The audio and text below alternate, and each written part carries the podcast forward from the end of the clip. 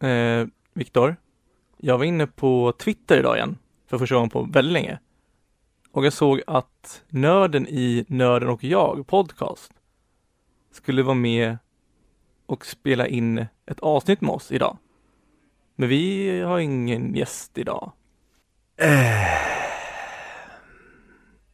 ja, du, jag vet inte riktigt hur jag ska säga det här.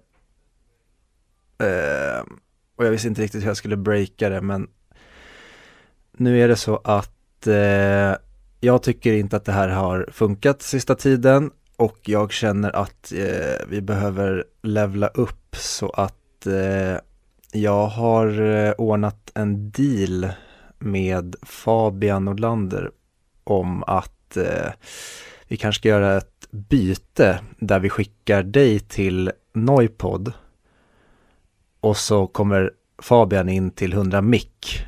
För vi tänkte styra upp det här skeppet för vi ser att det har mycket mer potential och då tänkte jag att vi tar det bästa från båda världarna. Så att eh, det här är lite en arbetsintervju för honom och lite grann ett eh, hejdå, alltså litet avskedskalas för dig. Kul va? Så du menar att jag får chansen att gå över till podcast som har vunnit Svenska podcastpriset för bästa filmpodden? Och som har x Aj. antal tusen lyssnare antar jag? Ja, jättegärna för mig. Jag tänkte inte på det. Nice.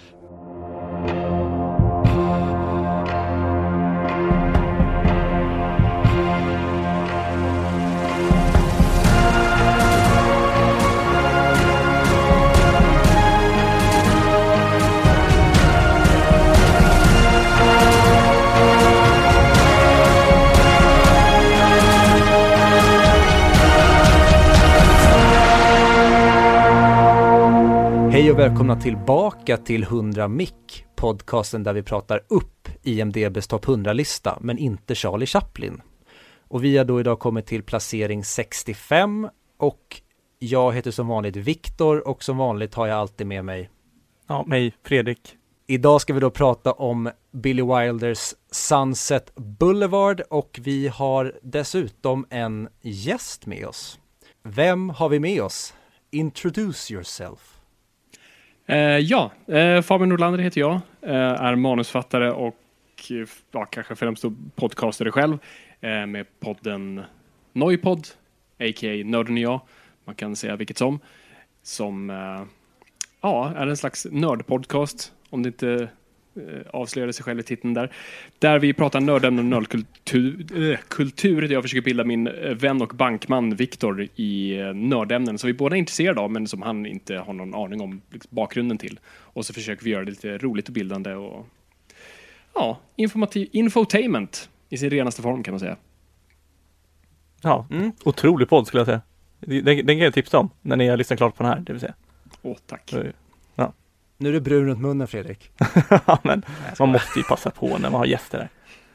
Nej, jag håller med. Jag, ju- jag lyssnade faktiskt när ni drog igång Noipod, ja, hur många år det nu är. Jag var ute och reste i Asien då och så satt jag och väntade på en båt i, eh, på Filippinerna och så bara kollade jag lite och så bara, ha, Nörden och jag, vad kan det vara någonting? Och då tror jag ni hade släppt de typ tre, fyra första så att jag började med att lyssna på Sagan om ringen avsnittet. Och sen Ah. dess har jag bara lyssnat slaviskt i hur många år det nu kan vara. Ja, eloge till dig på den, för att alltså, jag har inte vågat lyssna på våra tidigare avsnitt. Det enda jag vet är att de är värdelösa och jag förstår inte hur vi fick ändå lyssnare med dem för att det var dåligt ljud, liksom, ja, ringrostiga som man alltid är i starten. Alltså för alla som startar på, alla borde ju typ sta, liksom spela in tio avsnitt som aldrig sänds, bara så det kommer in i tugget och sen börjar du släppa avsnitten du faktiskt vill släppa. För att uh, it's an uphill battle. Ja, alltså om ens 10 räcker. Jag, alltså, jag känner att vi fortfarande inte är där än. Nu har, hur många har vi gjort? Det här är 36 avsnittet. Tror jag. Ja. Och då har vi tre som inte har släppts, har jag för mig. Det ljudet var dåligt eller liknande. Ja, den starten var inte rolig. Nej, så jag håller med dig helt Fabian. Ja men roligt. Eh, och du, eh, sa du det eller bara sprang du förbi det snabbt att du är manusförfattare i yrket? Uh, jag nämnde det, jag, jag kan ha sprungit förbi det. Men yes, det, det är min... Det är mitt jobb, yeah. Vad eh, har du skrivit då om man frågar så? Alltså det främsta, eller egentligen det enda som är alltså det, det, det man kan få tag på är den tredje Bamse-filmen, Bamse och Dunderklockan, som släpptes nu är det 2018 blir det? Ja, vintern 2018. Eh, yes, som var då, ja precis den, den tredje Bamse-filmen. Och eh, det är väl det jag främ, främst har till min credit. Sen har jag massa andra grejer runt hörnet. Så förhoppningsvis kommer inom allt ifrån ett år till sen ett par år framåt. Men jag tror att jag kan skryta mm. åt det där, för jag har för mig att jag läste att det var den mest sedda filmen i Sverige något år. Det var det. Det var den mest sedda filmen 2019. Äh, det, äh, säga, mm, vi ska till den, den mest sedda svenska filmen. Uh, vilket ja. nummer ett inte säger så mycket och nummer två, du måste verkligen säga den svenska. För att, alltså, 2019 så ska vi komma ihåg att Avengers Endgame kom och vi slog inte den. Utan vi slog nog alla de där independent-rullarna eh, från SFI som sågs av 30 pers. Eh, det, är liksom, det är ett långt gap mellan liksom, svensk film och sen Bamse. Och det är också det är för att det är Bamse. Det är, det är väldigt tacksamt att, att jobba på en barnfilm eh, med en bred mm. release. Eh, men det var skitkul. Det var, eh, jag, jag, vet, jag vågar inte bekräfta att det är så, men jag tror också att det är den mest sedda Bamse-filmen, men jag vågar inte svära på det. Eh, men det var, det var jättemånga som gick och såg den, det var jättekul. Det var superkul att så många verkade gilla den. Jag brukade följa hashtaggen då som var Bamse och Dunderklockan på Instagram och det var alltid så kul att se just liksom, hur föräldrar la upp bilder på sina barn i, i biostolen och det var ju oftast då deras första bioupplevelse och det, det, var så kul just för att eh, nästan första kommentaren på varje sån bild var oftast en annan förälder som ju sa Oh shit, fan vad kul, va, va, okej, okay, men berätta först, vad satt barnet still? Och eh, svaret var alltid ja. Eh, vilket är ja. askul. Eh, för, det, för det, barn är en så konstig, du är både en väldigt tacksam och otacksam publik. Mest tacksam. För att jag kommer ihåg när, när jag skrev på Bamse 3, jag började precis när Bamse 2 kom ut och blev då bjuden till att komma och se Bamse 2 när den väl hade galapremiär. Eh, så jag gick dit och eh, insåg när jag satt där i biosalen att eh, oh shit, det är bara ungar här och ungar kommer ju reagera exakt som barn kommer reagera, vilket är, alltså de, de tänker inte att de är på en galapremiär. På galapremiär är alla lite trevliga och snälla och är det en komedi så skrattar alla åt skämten och sånt där. Men det här är barn, de skiter ju fullständigt i kontexten. Om det är så här, levererar filmen eller inte, det är det de kommer reagera på och eh, den gick jättebra hem med dem. Men det, det var en sån här tankeställare, bara just det, okej, okay, jag måste tänka faktiskt på vilken publiken är och att det, det kommer bli katastrof om det här inte levererar. För då kommer det vara massa unga som springer ut i biosalen. Ja, men det, det, det måste vara det bästa tecknet, att barn sitter stilla, för då är filmen intressant för dem. Att de inte vill springa iväg. Och jag tror särskilt i liksom, generationen som kommer nu så kanske lite mer vana också med, alltså, vi, uh, jag har en vän som har barn som har, alltså som är ja, ett år tillgång till mammas och pappas mobiltelefon för att kolla YouTube. Och just när ja. lärandet att bara trycka på nästa klipp innan man ens har sett klart det, det man tittar på. Uh, det är ju liksom inbäddat mer och mer i den generationen så att, att bara sitta still och kolla på någonting i liksom en kontinuerlig timme uh, det blir allt ovanligare så det var jag också väldigt tacksam för. Mm, det förstår jag. Ska vi gå vidare till min Viktor? Ja, då har vi täckt lite grann av vem du är Fabian så att de som jag vet inte, kanske är några som lyssnar på oss som även lyssnar på Noipod, då har de ju förmodligen lite bättre koll på det, men nu har även uninitiated people fått en liten bild av vem du är. Så att eh, Fredrik, eh, du kan väl köra Fuck, Mary kill? Ja, mitt uppdrag är då att egentligen låta lyssnaren få bättre inblick på vad du gillar för filmer och hur du tänker runt filmer. Mm -hmm. Så jag kommer då, för du känner till den klassiska leken Fuck, Mary kill? Yes. Alltså, ja, perfekt. Och jag, då kommer jag ge dig tre filmer eller tre franchise, eller någonting annat, där du då ska inte bokstavligt talat, men mer symboliskt välja en av dem som du ska, en att ligga med, en att gifta dig med och en att döda. Och då blir det liksom, om man ska ta det symboliskt, ligga det kanske är ett schysst one night stand, du kanske vill se filmen en gång, sen vara klar med den. Gifta kan vara en film som vill kanske återkomma till flera gånger. Eller hur du nu väljer att tolka det här. Ja. Hänger ja, du med? Men, uh, ja. Jag är med. Bra. Då börjar vi med en klassiker på tre stycken egentligen. Ja, men vi kör franchise nu. Vi har dels Harry Potter, vi har Sagan om ringen och vi har Star Wars. Oh. Okej, okay, jag tror, tror, off the bat så skulle jag döda Harry Potter. Oh, absolut inte för att jag inte är ett fan av det, men, men jag är minst kopplad till den franchisen. Eh, mm. Sett alla filmer. Jag, var ju, jag är ju i rätt ålder där böckerna kom och började läsa Men det var liksom, jag gillar inte att läsa fantasy, jag gillar mer att titta på det, så jag, så jag connectade aldrig till det efter att ha läst första boken. Och sen har jag sett filmer och tyckt det varit kul och sådär, men det har aldrig varit ett event för mig. Eh, så den, den ryker ju direkt. Eh, och sen har vi Star Wars och sen har vi Sagan om ringen. Åh, gud vad svårt. Eh, för att så här, man kan ju tänka sig, ja, alltså Star Wars är ju asnice, men sen kom ju både prequels och jag var inte så, ett jättestort fan av sequel-trilogin. Men sen har ju Sagan om ringen å andra sidan Hobbit-trilogin, som också är bara en dumpster fire. Men eh, Fan, fan vad ni två har samma smak här direkt nu. Genom de här i alla fall. Det är så kul hur man tar sånt här så seriöst. Jag, jag, Ja. jag tycker alltid sånt här är så kul hur man sitter så här, jag måste, alltså det här valet kommer vara mig för evigt. Så vad skulle jag... Nej men jag, ja. Åh, gud vad svårt. Och det är verkligen, det, jag tror det är så här från dag till dag. Jag, jag tror... Hmm. Hade man frågat mig för några år sedan hade jag absolut sagt gifta mig med Star Wars. Men nu, jag, jag känner mig liksom, särskilt efter nu, alltså ända sedan Disney tog över sequel-trilogin och, och nu alla spin-offs och tv-serier och, och, och hur de bara har, har behandlat franchisen. Jag är så trött på Star Wars. Jag, jag är liksom, Star Wars-fatig har jag verkligen drabbats av. Då jag, alltså jag är inte ens intresserad av att, att se Mandalorian. Uh, trots att jag har hört jättebra saker och Star Wars sen säger att det här är verkligen det, det, back to basics. Men jag, jag har bara liksom noll intresse. Medan Sagan om ringen tv-serien på Amazon har jag ett lite sånt här, hmm, jag är nyfiken på. Och, eh, nej, fan vad så. Men samtidigt, Star Wars var först för mig. Så det är liksom, det är min första kärlek och det vill man ju inte bara liksom kasta bort efter en one night stand. Liksom, den- den här kärleken man växte upp med och alltid fantiserade om. Och... Nej, jag tror jag, jag tror jag måste vara lite så här godtrogen. Jag säger eh, fuck eh, Sagan om ringen och eh, Mary Star Wars. Och det gör ont att säga det. Så det var inte ett, nej, inte ett lätt val. Nej, det, det förstår jag. Jag hade nästan velat ha ett halvtimmes avsnitt när du bara velar. Tro mig, jag hade kunnat göra det. Lyssna på, lyssna på Noipod, för det är, typ, det är exakt typ det vi gör. Vi velar i två och en halv timme. Det är en bra pitch. Det är underbart. Nej, perfekt. Nej, men vi, vi har också, vi har ju hatat lite på, vi kallar det för Disney Wars, de tre Mm. senaste Star Wars-filmerna. Vi är inte heller världens största fans av dem. Så det är bra. Okej. Nästa tre filmer. Då har vi då egentligen tre filmer som vi har bearbetat här på listan än så länge. Så den första är American Beauty. Vi har Amelie.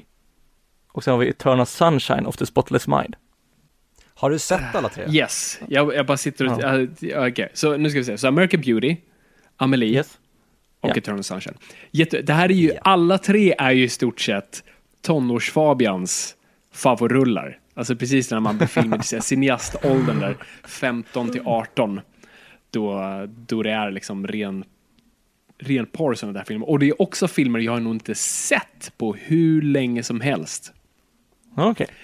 Men eh, jag kommer vara tråkig och eh, kill Amelie. Jag gillar Amelie, men jag har sett den minst. Och eh, den är fransk. Och eh, eh, till och med fransmännen fransk. Den. Det, det, får man, det får man faktiskt ge. Det är så kul när den kom och släpptes i eh, Cannes så blir till, till och med liksom fransmännen förolämpade för den var så himla fransk. Eh, det fattades bara en man på cykel med baguette som sa ho ho ho. Eh, Med randig tröja. Exakt, och basker. Och tunn mustasch. Ehm, så, så jag tror den ryker. och, och som sagt, jag gillar den, men jag har sett den minst och det var länge sedan jag såg den. Så den skulle jag verkligen vilja se om nu igen och verkligen få en bara ny bild av. Uh, Eternal Sunshine var ju verkligen en sån här revelation när den kom. Uh, och framförallt, alltså just det här, jag tror, när jag ville bli manusfattare och, och fantiserade om det, eh, så var det ju Eternal Sunshine, hållet, alltså Charlie Kaufman, hela, hela, han var ju gud då. Och, uh, jag, och liksom man drogs till det och i Adaptation och John Malkovich och allt det där. Och sen har du ju Alan Ball, eller hur? Det är Alan Ball som skriver eh, American Beauty. Eller hur? Det var American Beauty. Det vill jag minnas. inte American Psycho. American Beauty. Ja, jag tror det är Alan Ball. Och det, han är ju också en grym manusfattare och vad som är så bra med det manuset är att det är så understated, just manuset. Manuset tar liksom ett, ett bakkliv i den filmen medans jag tror Charlie Kaufman, och han skulle hata att man sa det här, men hans manus tyvärr sticker ut och tar väldigt mycket uppmärksamhet. Och... Eh, hmm. Ja, men jag, jag säger så här, att Eternal Sunshine är den här otroligt fagra, vackra individen du verkligen vill ha en otroligt vild natt med och, och tillbringa all sin tid med i den stunden. Men, men efteråt så kommer det inte liksom, det, det, det finns inget stadigt där som ska komma hålla dig igång livet ut. Medan American Beauty är den här stadiga, trygga, perfekta Alltså, där kan man verkligen prata om snygg versus vacker. Jag tycker American Beauty har, har en väldigt vacker simplicitet till sig. Och jag brukar dra den väldigt ofta som exempel när det kommer till manus, för dess struktur är på ett sätt perfekt när du kollar på, på, på vanlig manusstruktur. Um, men just att den inte drar uppmärksamhet till sig själv, eh, liksom Chinatown. Så jag säger fan American Beauty, trots att jag kanske gillar Tunnelsars med. Jag vet inte fan, men jag säger, jag gifter mig med American Beauty. Jag säger det här och nu. Mm. Det är intressant, för jag tycker ändå det finns lite likheter mellan den och filmen vi ska prata om senare idag. Exakt, skulle jag säga det också. Hmm, jag har inte tänkt på det. Okej, okay, jag, vill, jag vill höra den analysen. Mm, men det, det kommer vi till sen. Men eh, jag tänker att vi kör en sista, men då byter vi över till eh, regissör istället. Mm. Och då får du alltså chansen att välja mellan David Fincher, Christopher Nolan och Stanley Kubrick. oh shit, treenigheten. Nej, gud vad svårt. Ja, men jag säger direkt att jag gifter mig med Kubrick. Det, det är liksom, han är mästaren. Det, du kan inte tröttna på det. Det, det är bara stadigt efter stadigt. Mm. Ja, shit. Jag skäms ju med åren mer och mer vilken eh, Nolan-fanboy jag faktiskt är. Och jag ser, jag ser bristerna i hans verk trots att jag ändå eh, sväljer det helt. Och jag älskar Fincher också på ett mer liksom, han drar inte lika mycket uppmärksamhet till sig. Han gör det på ett sätt, men absolut inte lika mycket som, som Nolan gör. Fast de, oh, gud, ni knyter verkligen knut på min, i min skalle. Eh, tyvärr, jag, jag, jag kommer döda Fincher och det gör jätteont att säga det. Bara för jag är mm. tyvärr en Nolan-fanboy.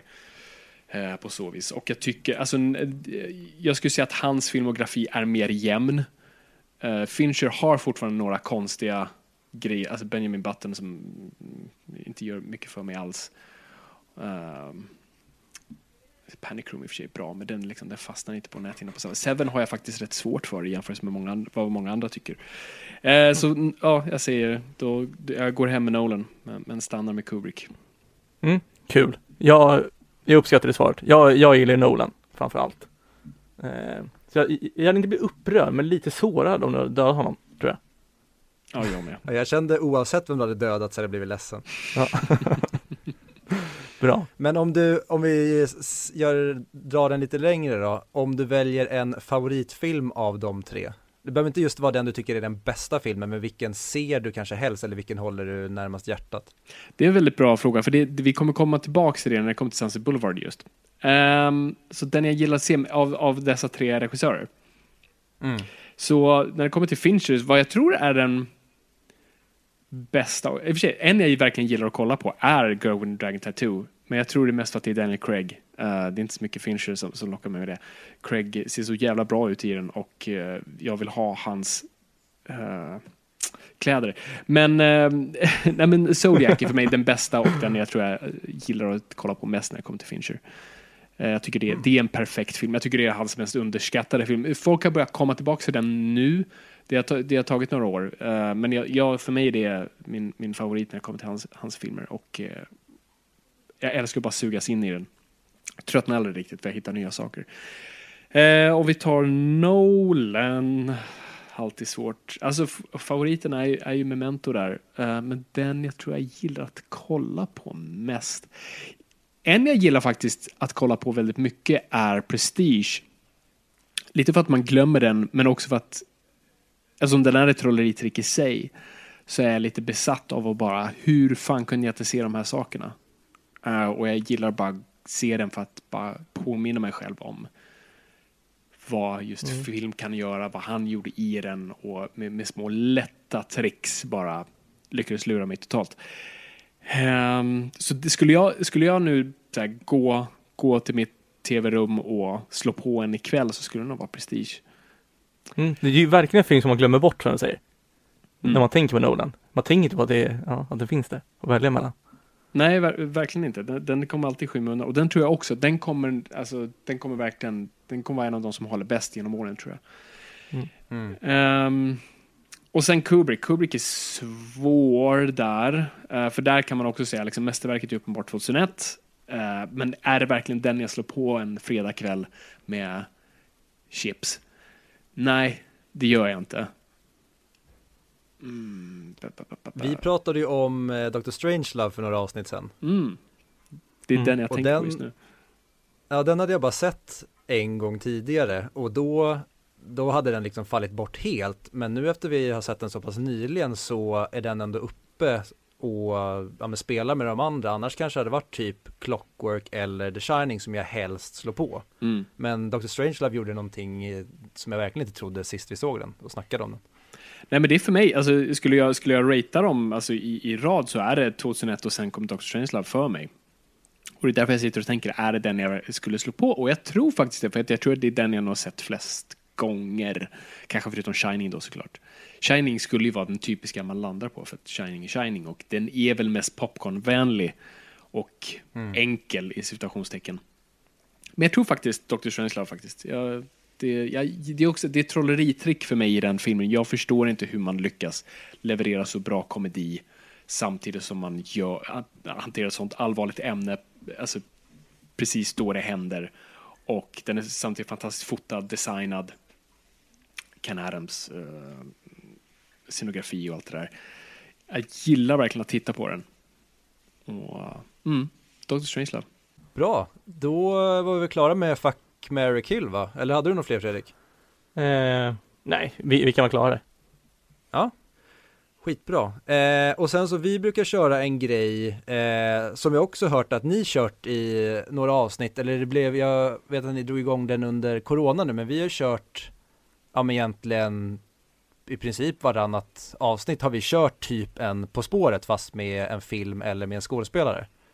Jag hörde det. Och- Det var lite kul för att eh, när ni så snällt bjöd, bjöd in mig att vara med här så, så ville jag ju såklart liksom lyssna och se, se vad det var för någonting.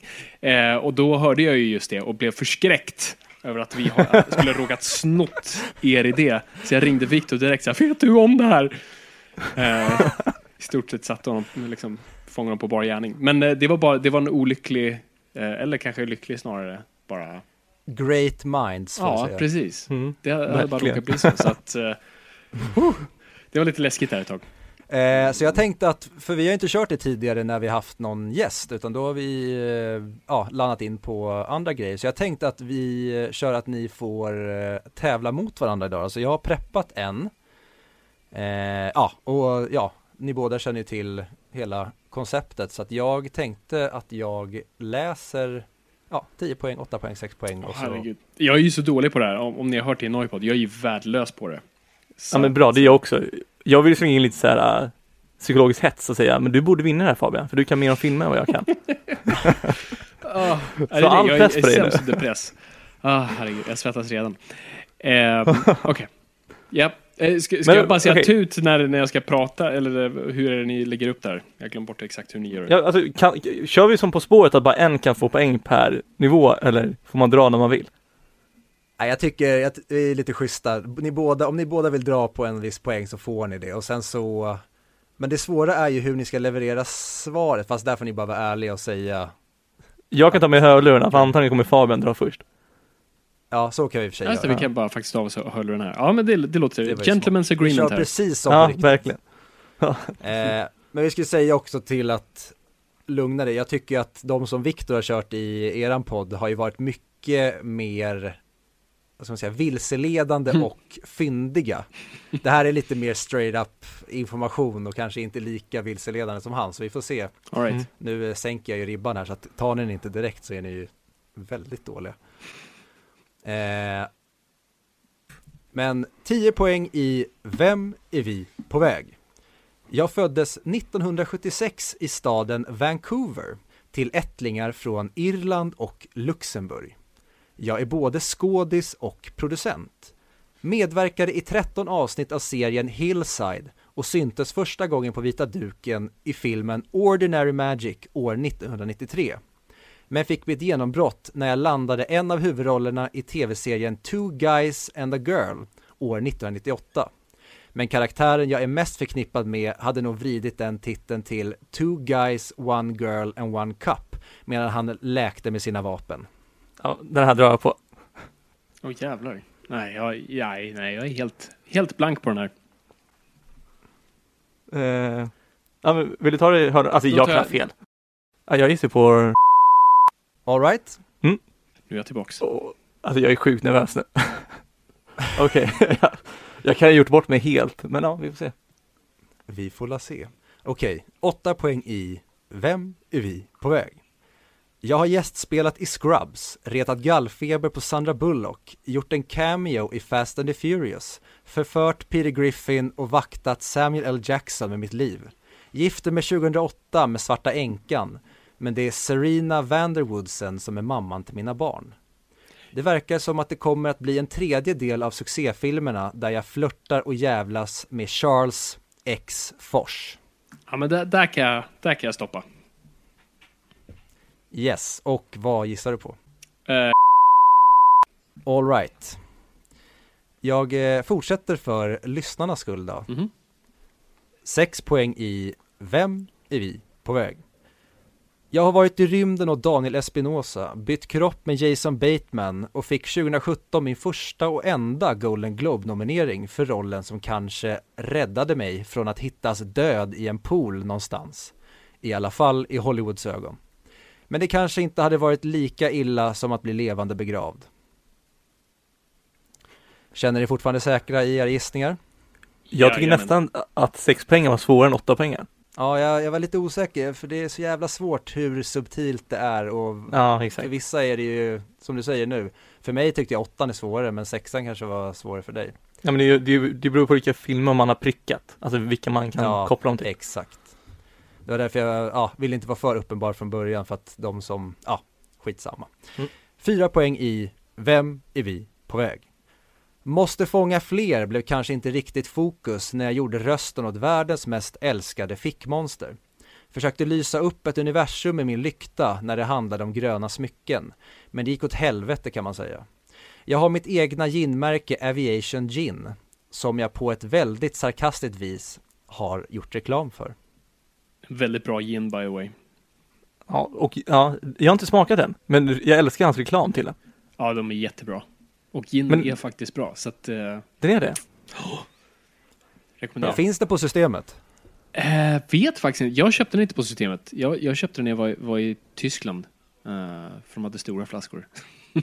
så jag vet inte. Det går säkert, ja, om inte annat så är det säkert Men det går att beställa. Gör vi eh, reklam för sprit nu i podden? Jajamän. Ja, Drink responsibly. eh, exakt. Ja, kör två pengar då Viktor. Yes, två poäng i Vem är vi på väg? Jag är nog som sagt mest förknippad med Deadpool. Och kan du inte vem jag är nu så kanske du kan ta gissningen om jag ser att mitt namn rimmar på Brian. Eller ska du alltid avsluta med rimmen? alltså, Men de, de mest uppenbara tycker jag är de svåraste när man ska skriva. Det är så här, okej hur ska jag få till och med den minst kunniga att fatta? Och då kommer jag aldrig på någonting, för då tycker jag att använt allt som jag redan kan Mm. använda. Yes, men ni båda hade ju rätt, så att eh, snyggt av dig Fredrik att ta 10 poäng. Det är din andra 10 poängare va?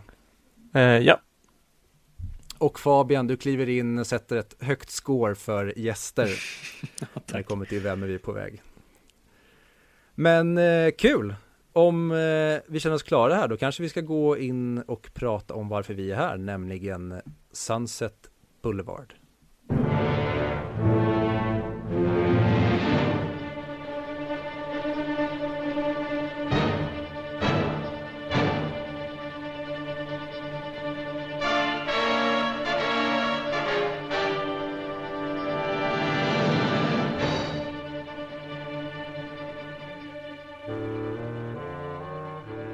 Ja, och då har vi eh, kommit fram till filmen, nämligen Billy Wilders Sunset Boulevard från 1950. Och jag vet ju lite grann sen tidigare att du har en enorm kärlek för den här filmen Fabian. Mm. Rätta mig om jag har fel, men det har jag ju luskat fram.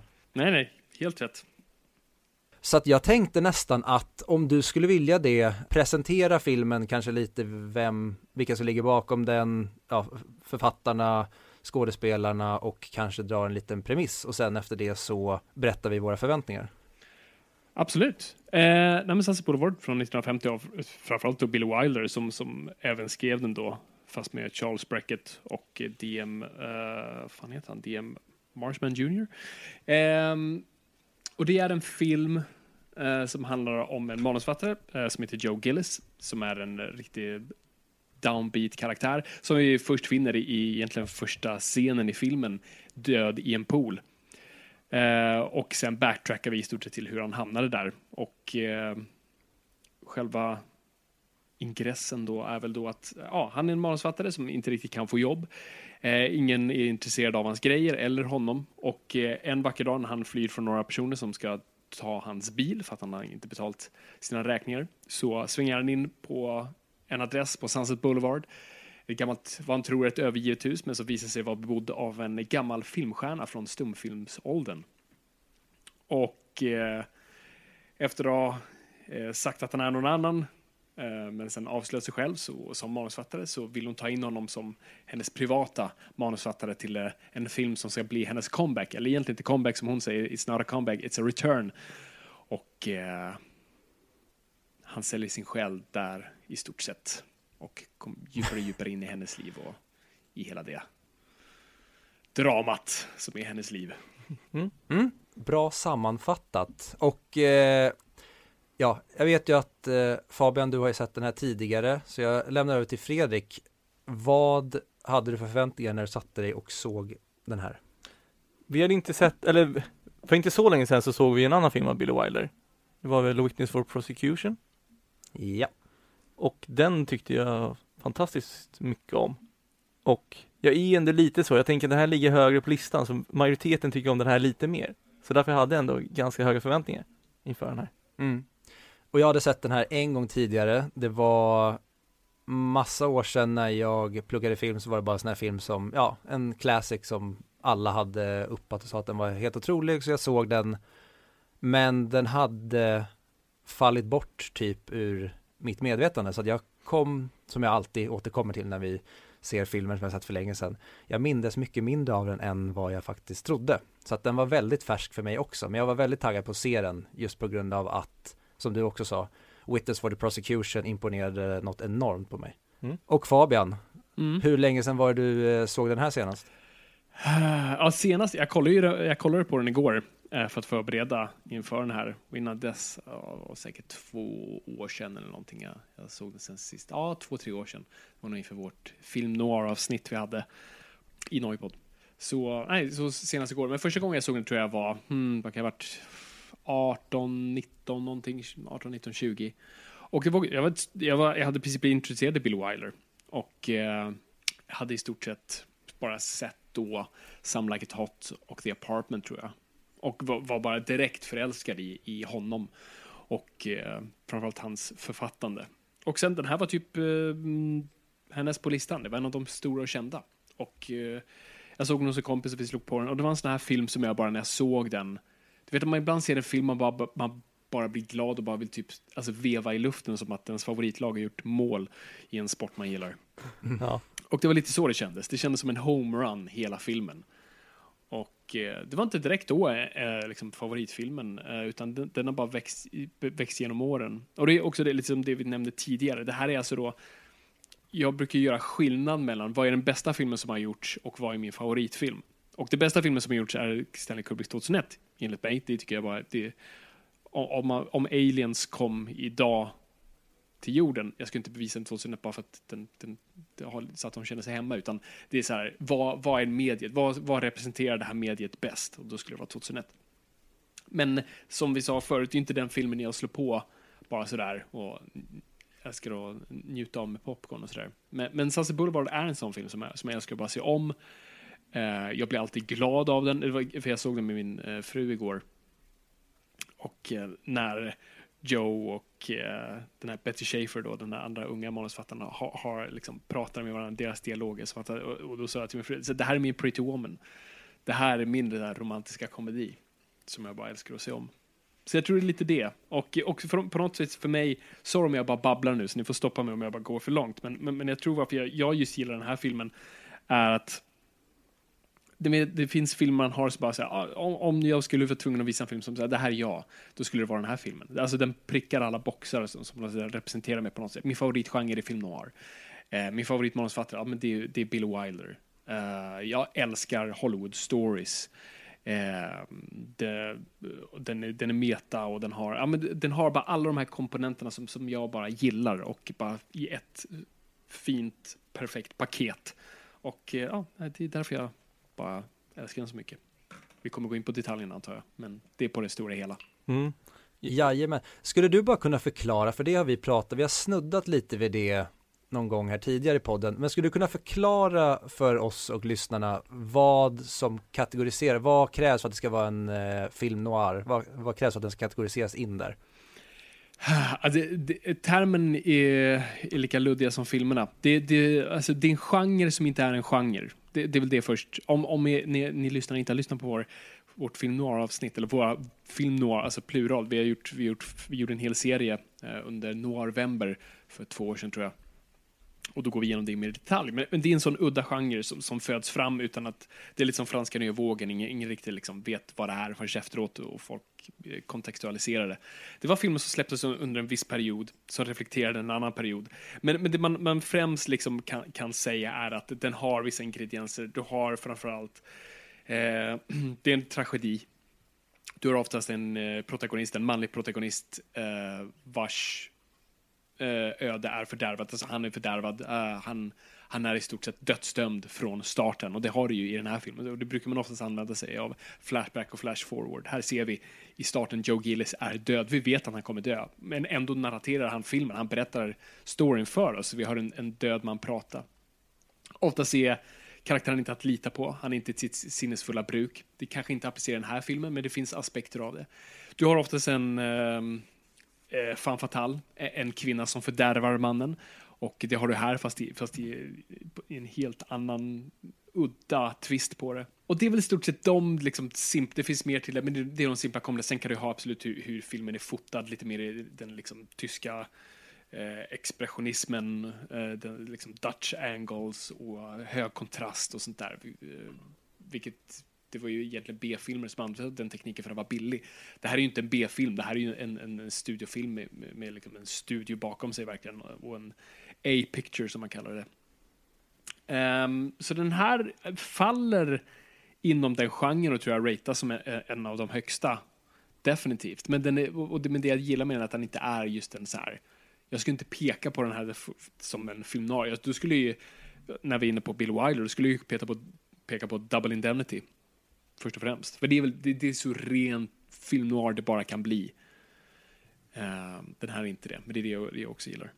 Mm. Mm. Intressant det där eh, att du sa att det finns skillnad mellan en, den bästa filmen och din favoritfilm. För det beskriver egentligen oss då, Viktor. Att, för det känns som du ofta bedömer filmerna utifrån den bästa filmen. Men jag alltid resonerar, vilken film vill jag kolla på? Och därav så har jag och ofta haft svårt med de gamla filmerna nu i början, när vi startade podden. Och tyckte de har varit väldigt mycket tråkigare. Bra filmer, men det är som du säger, det är inte filmer jag sätter på på en fredagkväll. Därför tycker jag inte att de förtjänar på topp 100-listan. Det är så jag bedömt det. Men ju högre upp jag kommer på listan, och när jag kommer till fler sådana här gamla filmer, typ som Witness for Prosecution, eller den här, de fångar ju ändå upp en. De vill man sitta kvar och kolla på. De skulle jag kunna sätta på på en fredagkväll. Allt från Dr. Strangelove till den här. Mm. Det är jätteintressant eh. just dilemma det där och jag tror man måste bara omfamna båda av det. Just favoritfilm och bästa film. Att, att det faktiskt, det, att man kan skilja på dem. Och det är okej. Okay. Det är okej okay att tycka att 2001 är den bästa filmen som har gjorts. Men vad som gör den till en av de bästa filmerna, att den är svår. Du, du måste verkligen, när du, du kan inte bara casual kolla på den utan du måste verkligen ta in den. Och sen ens favoritfilm, om det, och vad kan det vara liksom, om det är Die Hard, alltså det är ju inget fel i det, för Die Hard kräver inte lika mycket av dig. Nej. Uh, men det gör inte liksom mindre härligt att titta på. Eller Transformers 2, som är Viktors favoritfilm. Att Nej, vi det är alltid kommer motsatsen. tillbaka till Är det det. här något, int- är det här något internskämt eller är det bara... Ja, det är där. Ja, okej. Ja, nej, jag brukar alltid använda den som exemplet på det vidrigaste med Hollywood och blockbusters och sen så blir det ändå att vi alltid på något sätt lyckas hamna tillbaka i den fast vi har sagt att vi ska lägga den bakom oss. Det är lite som Victor och Hobbit. Alltså min Victor i uh, Noipod. Jag kan ju verkligen lägga till, eh, hålla med Viktor där. Jag, Revenge of the Fallen, alltså ter, eller vet det, Transformers och eh, Hobbit-filmerna, de slänger ju samma jävla sophög. Mm. Det är en bra fråga. Jag, för sig, jag skulle eller jag har bara sett alla Hobbit-filmer, jag tror, en gång. Ja, men skulle jag behöva välja idag skulle jag absolut kolla på Hobbit-filmerna än Transformers-filmerna. Det finns ändå ett försök att göra någonting bra. Det gick ju åt skogen, men det var en, ambitionen fanns någonstans där. Eh, trots att den gick förlorad. Medan Transformers är ju... Transformers är exakt den filmen de, de menar att, att det skulle vara. Det är, inget, det är liksom, inget gick snett där. Det, det är verkligen det, det är en autörs vision av hur han vill att en film ska vara. Eh, och det är så rent. Och det gör det läskigt på ett plan, medan Hobbit är ett misstag. Eh, så alltså kan jag förlåta den mer. Ja, men där, det, det hade ju varit svinkul just för att jag saknar era DVD-kommentarer. Och är det någon, något projekt jag gärna hade sett er göra, det är att ni ska DVD-kommentera Hobbit-filmerna.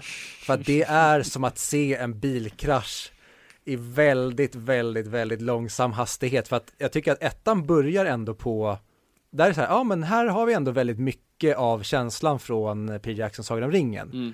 Sen är det bara som att vad är det du har rökt? Vad dricker du? Vad händer? Vad, vad, vad, vad sker runt i ditt liv? Allting bara blir, alltså det känns nästan som att han vill sabba för att han märker att det här skeppet är på väg åt helvete. Mm. Nej men det är ju, alltså, den, den faller ju tyvärr i den här gropen som, alltså jag har också varit med i sådana produktioner. Jag, jag brukar jämföra med, med liksom att bygga, bygga en båt, inte för att jag har gjort det, men liksom det bästa produktionen man kan hamna i, det är, det är när du står på stranden och du konstruerar den här båten, du konstruerar den bra, du vet att det kommer flyta. Och sen puttar du ut den och sen kanske du, du sätter upp seglet när du väl är där ute och, och du liksom, du, du utsmyckar det, du kanske bygger några möbler. Det är ändå bra för skepp, skeppet flyter. Det värsta är, och jag har varit på sådana produktioner och det är det jag ser Hobbit som, att du liksom du puttar ut några plankor och sen bygg skeppet här eh, på vatten. Och så måste man liksom medans läckorna kommer in bara försöka bygga ihop det så snabbt du kan och försöka och där, oj shit jag såg inte där luckan, shit där kommer in vatten, nu kommer in vatten här och sen upp med seglet, nej det är för tidigt. Katastrof. Ehm, och eh, så känns Hobbit, och det finns ju bevis på, alltså kollar man på, nu har inte jag sett hela extra material, men det finns ju bara utdraget på YouTube där, alltså när de stänger ner hela produktionen, för Peter Jackson vet inte ens vad som händer, han vet inte ens vad han filmar. Det, det är ju helt absurt. Jag, är- jag är så glad att de har med det, alltså det, det var så, eh, alltså en vanlig produktion hade ju bara sagt, det här tänker vi inte visa, men du har ju verkligen sagt, nej vi var tvungna att stänga ner, för vi visste inte längre vad vi höll på med. Du har Andy Serkis i en källare någonstans som skjuter massa B-footage på stridsscener kring ett, typ ett slag han inte ens vet vad det är. Eh, och nej, men ingen vet vad de gör. Och bara så här, nu stänger vi ner i två veckor och bara försöker samla oss och se vad fan vi är på väg någonstans. Ja. Yes, nu hamnade vi eh, rätt in i Hobbitland, men inte därför vi är Nej, här. det är inte därför vi är här. Sorry. Nej, det är, sidospår är, det skulle jag säga, det är typ det jag gillar mest med poddar. Mm. Nej, jag med. Ni är ju väldigt duktiga på det, sen tycker jag även Filip och Fredrik, det, hela deras podcast är ju ett sidospår. Mm. Ja, nej, vi, vi, vi är väldigt skyldiga att hamna där många gånger och det är, ja, det är som sagt, det, det tror jag är 80 procent av, av våra avsnitt. Vi flyger iväg på någonting. Men det är skönt att ha den friheten. Men eh, det, det som jag ville försöka komma in- i, det där med favoritfilm kontra film man Mm. vill kolla på. Det är att jag, jag är väldigt kluven vad jag tycker till filmer som börjar med en berättarröst. Mm. Jag vet inte om det är lat, alltså lathet av filmen eller om det är bra för att få in den i filmen direkt. Det, det är en väldigt bra fråga och jag satt och funderade på exakt samma sak igår. Uh, för jag älskar, eller så här, mm, mm, både och. Jag älskar och hatar voiceover. På sätt, Jag är uppvuxen med, jag vet inte, jag älskar alltid voiceover för det påminner, jag, det måste säkert vara sådana gamla Warner Brothers eh, snurresprätt-grejer som, som, som liksom, lekte i film noir-avsnitt och sånt där. Jag gillade bara det, jag har alltid gillat det formatet. Men som manusfattare tycker jag det är extremt slött att ha det. Och jag satt igår och bara funderade på så här, varför funkar det här? Jag förstår inte varför det funkar, för det på papper ska det inte funka. För att så- alltså, som manusfattare är din regel just show, don't tell. ju, ju mer du kan visa, desto bättre. Exakt. Eh, ju mindre prat, desto bättre. En första version i ett manus jag har alltid för mycket prat och i din andra version handlar bara om att hugga ner på snacket. Eh, och det skulle vara jätteenkelt för mig om jag bara slängde in en, en, en voiceover. Eh, för då hade jag ju, alltså det hade ju löst jättemånga problem. Jag tror varför det funkar i film noir är just för att din, din huvudkaraktär oftast är opolitlig. Så att han säger en sak men visar en annan sak. Så att, alltså, då, det han berättar behöver vi inte köpa. Um, det, det, det, det är oftast det det handlar om. Och jag tror det, är liksom, det, det framkommer lite i Sunset Boulevard. Sunset Boulevard har inte den klassiska som vi pratar om, alltså noir-karaktären i Joe Gillis. Eh, för din vanliga skulle ju kunna vara alltså, någon som, är, alltså Memento är ju den, den klassiska, eller den är inte klassisk, men, men, men lättast att påvisa detta. Det är ju, det, alltså, du har en karaktär som inte kommer ihåg vad, vad som precis hände. Du kan inte lita på honom, för han kan inte lita på sig själv. Och eh, då hjälper en voiceover, för, att, för du, du kan ju liksom inte lita på det. Men i det här fallet, så Joe Gillis är ju en, en, en, en karaktär som är fullt medvetande, har, har inga större brister med, mer än uh, de mänskliga driven vi alla har. Men, men det jag tror var, varför det här funkar, att Joe Gillis är, vad han är, är ärlig mot sig själv men inte mot någon annan karaktär. Han ljuger i stort sett för alla. Han kan, han kan inte vara ärlig med någon och sina egentliga intentioner. Och jag tror voiceovern hjälper där oss att förstå honom eftersom i stort sett allting han säger är lögner. Men egentligen vita lögner. Det är inte som att han är en komp kompulsiv lögnare eh, som hela tiden bara ljuger för att rädda sig ur situationer, utan det handlar hela tiden med att han bara kan inte vara ärlig inför andra. Nej, jag tänkte på precis samma sak när vi satt oss och såg den och du nämnde ju American Beauty tidigare det här med att det just den likheten jag tycker med den är att den startar på liknande sätt. Vi får veta i början att huvudkaraktären kommer att dö och vi börjar med en voiceover, och i det fallet från Kevin Spacey. Och jag kommer ihåg när vi, jag tror vi nämnde det i vårt American Beauty avsnitt om voiceovern är, om den höjer filmen eller sänker filmen. Men mm. precis som i American Beauty tycker jag att just i Sunset Boulevard så använder de voiceovern på ett väldigt bra sätt. Jag tycker framförallt att Joe Gillis humor och just det som du säger Fabian att det som han berättar är oftast inte det som är verkligheten utan vi, han berättar en story och sen får vi se verkligheten parallellt. Det tycker jag de gör jävligt bra i den här. Mm. Nej, jag håller helt med. Men eh, Fredrik, vad, eh, vad tyckte du om filmen? Just det, måste jag också säga. Nej, eh, alltså jag mötte som mina förväntningar då. Jag satt fastklistrad under hela filmen. Mm. Och kort och gott, ja precis samma sak. Den var mycket bättre än vad jag minns den. Jag vet att jag, jag kollade mitt IMDB-betyg och jag hade en 8 av 10 på den. Men den här gången så var det verkligen, som du sa Fabian, det här var en film jag ville stanna i. Jag vill inte att den ska ta slut, den får gärna hålla på i två timmar till. De fick gärna dra ut på hela den här charaden med, ja men både Miss Schaefer och med eh, Norma, hur han spelar det här spelet och försöker få allting att funka och sen slutar bara med att, ja, det skiter sig. Ja, jag har lite kritik till slutet sen, men det kan vi ta lite senare. Mm, intressant. Så jag bygger upp en liten teaser nu. Ja. Mm. Okej, okay. för nu är vi inne på min andra punkt som är med berättarrösten och som är med samma sak med American Beauty. För med, i American Beauty avsnittet pratar om, som jag vet inte vad jag tycker om när man egentligen berättar slutet i början. Mm. Precis som den här filmen gör och American Beauty. Eh, i, I American Beauty så hann jag glömma bort att det skulle hända. Och då så blev man så här, just det, det där, det där skulle ju hända. När han, när han väl skjuter honom. Mm. Men i den här filmen hade man det i baktanken hela tiden, att det, att det kommer att hända. Vad intressant. Jag glömmer bort varje gång. Uh, ah, okay. Jag tror frivilligt också. Alltså jag vet ju det, alltså på, på ett intellektuellt plan. Men på något vis, när det börjar närma sig slutet, bara, ah just det, just det, vi är på väg dit. Uh, och jag vet inte vad det är, om det, om det är liksom Titanic-fenomenet, alltså varje gång man ser Titanic och du ser isberget så börjar man vrida lite på sig, man tänker att den här gången kommer båten missa.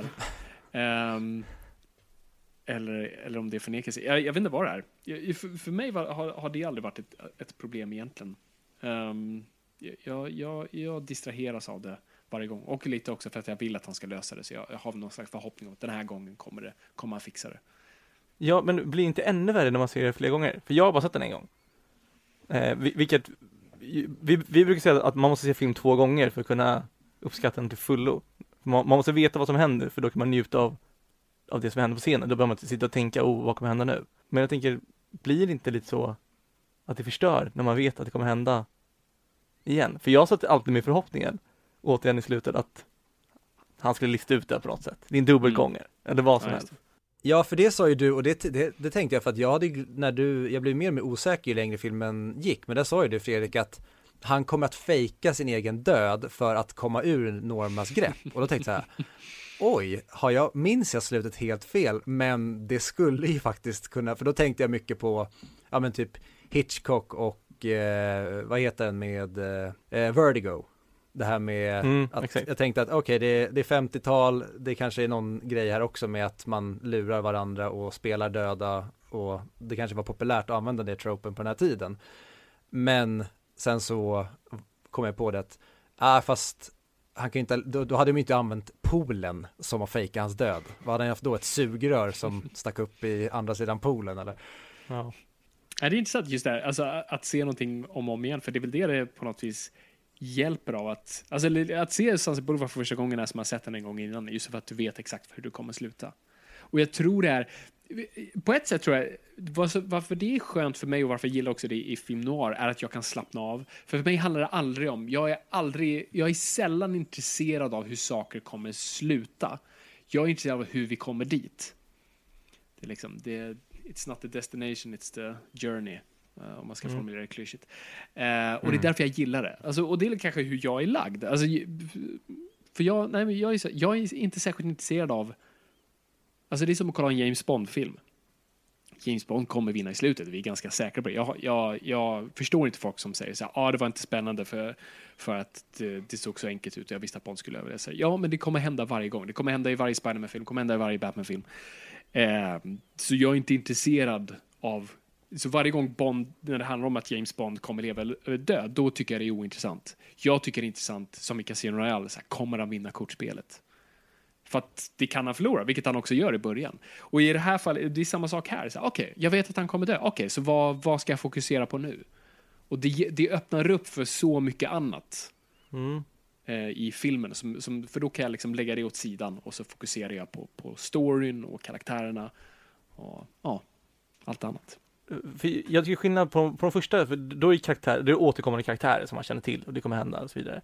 Det här är ju en karaktär man bara får se i den här filmen en gång.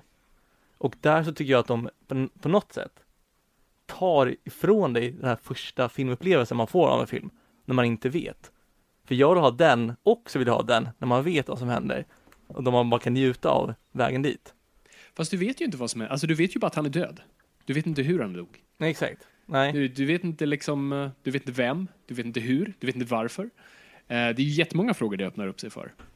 Det enda du vet är faktum att han är död. Har han dränkt sig själv? Vem vet? Man tappar väl hoppet lite.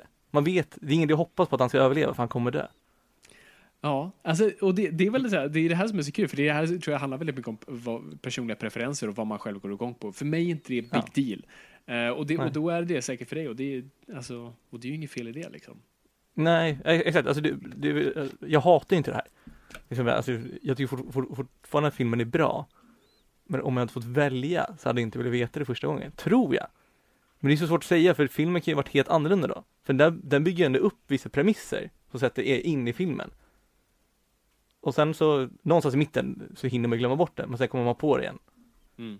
Ja, men jag tror också som vi har pratat om massa gånger tidigare i podden att du vill ju ha det lyckliga slutet Ja. medan jag är tvärtom. Jag älskar ju när de vågar döda huvudkaraktären eller ge oss att filmen slutar nattsvart som i det här fallet. Men jag gillar ju, eller det jag skulle kunna tycka att man gör också när man som i även American Beauty, för att återkomma till den, det är att man vågar, alltså man nästan gör det svår, filmen gör det svårare för sig själv. Att som du säger Fredrik, att där kan ju den tappa många, eller det som många, många vill bara ha mysteriet och se hur den slutar. Många kanske känner att, ja men jag vet redan att han dör, då kanske han, de tappar intresset om de inte är där för resan. De kanske bara vill ha, ja men vem var skurken i slutet grejen? Och då kanske de känner att, ja men jag vet ju redan, då, då blir det här mycket mer intressant. Men jag tycker tvärtom, där revealar man någonting och sen så som du säger Fabian så blir det superintressant hur kommer vi fram till den här slutsatsen? Vad är det vi kommer få följa med på för resa? Och sen så tycker jag nästan, ja men egentligen när Betty och Joe förklarar sin kärlek till varandra, då känns, då, då har jag typ glömt bort att han kommer dö. Då känns det som att, nej men nu kommer ju han att lämna Norma och så kommer han och Betty bli det här jättekära skrivarparet och så kommer det sluta lyckligt och sen så blir det, oh, fast vänta nu, helvete. Det var ju han i poolen och då blir det att man dras tillbaka in i det. Mm. Mm. Nej, men jag tror det är liksom tillbaka. Det är, det är det personliga preferenser som du då Fredrik som, som föredrar uh, lyckliga slut och jag tror jag och Viktor är lite mer där. Jag tror vi gillar våra tragedier uh, på ett annat sätt. Gillar att bada i det lite mer. Jag tror därför jag också jag gillar film noir på så vis. Jag gillar, det, det film noir måste alltid sluta i, i tragedi. Det är aldrig lyckliga slut. Uh, och det är väl det som är lite, och det är det jag tror också är, alltså det, det ligger någonting i, i, oss som människor att, att dras till det. Jag tror det är därför Titanic blev så stort, för att komma tillbaka till det, alltså att vi gillar de här tragiska kärlekshistorierna. Uh, där vi bara vill gå tillbaka och hoppas att det, det, det slutar annorlunda den här gången. För, när, när, för det är det, det är det som är ganska kul, lite som du säger, det, det är liksom på andra sidan av det. För att det, det du menar med att om vi, om vi dödar karaktären i början så, så liksom, kommer det liksom, så dödar filmen på ett sätt, och då, då vet jag hur, vad det kommer landa i. Men eh, vad jag tycker är intressant med filmer som har lyckliga slut dödar eh, omseen, eh, omtidsvärdet på filmen. Mm. Mm. För då vet jag vet att det kommer sluta eh, lyckligt och eh, ja, alla kommer gå hem glada. Medans ett tragiskt slut, då vill jag gå tillbaka. Jag vill utsätta mig själv igen för det där och bara hoppas att det inte blir så igen. Så det är ganska intressant. Men det, det är väl lite som, som, som i filmer när, när, man, när, när man tappar någon nära och kär medlem eller någon familjemedlem och man sitter och kollar på gamla videoklipp på den personen. Lite så blir samma effekt om man dödar personen. Som du sa, för då vill man ändå få leva i den världen igen där personen levde. Mm. Det är därför man vill se filmer en gång till. Det är sant, det tänkte jag inte på på det sättet. Ja. Mm. Men, nej men, ja, fan. Jag kanske får backa på den där. Nej, nej, alltså det är inte fel att du tycker som du tycker. Uh, det, det, det, det har ju helt och hållet med preferenser, vad, vad man själv tycker om och sådär. Men... Om du framförallt om sitt värde som du sa, det ökar Mm. ju enormt när man gör så. Ja, jag, jag tycker det, absolut. Mm. Men det, för för det är Mm. En till sak som jag störde mig eller som inte jag förstod med slutet, eller slutscenerna. Nu hoppar jag till slutet av filmen, jag vet inte varför, men nu, vi är ändå inne på det tänker jag. Eh, det är varför han säger åt hon författar, eller manusförfattarinnan, Mm. varför han skäller ut henne och låter henne gå och sen ska gå själv också. Alltså varför blir det som att han dumpar båda av de två? Jag tror, ehm, det han gör mot Betty där är i stort sett att rädda henne. Både från Norma men också sig själv. Eh, han, Mm. vet, han vet att han är körd. Han har sålt sin själ och han kommer få betala för det på ett eller annat sätt. Och han vill rätt, rädda Betty genom i stort sett bara skrämma iväg henne. Bara få, måla upp sig själv som en riktigt vidrig person som hon aldrig kommer förlåta. Och på så vis så Mm. kommer hon aldrig komma tillbaka. Och sen, eh, sen vet han. Han vet att han är körd efter det. Han, han, han har accepterat sitt öde i stort sett. Mm. Säger jag det Ja, så? det makes ju sense. Men eh, det är återigen, jag hade hoppats på att han bara skulle säga, ja men nu, nu går vi och gifter oss och blir världens lyckligaste par. Det är det, det är det jag också vill. Men jag får inte det. Och därför kommer jag tillbaka varje gång och utsätter mig för det. Ja, men det, det blir lite missbrukargrej att man vill hela tiden plåga sig själv. För man vill få den där Ah, ja. lilla njutelsen Absolut. innan. Ja, men det är därför folk Mm. kollar Titanic, Notebook, alla de där grejerna. Moulin Ja. Rouge. Verkligen.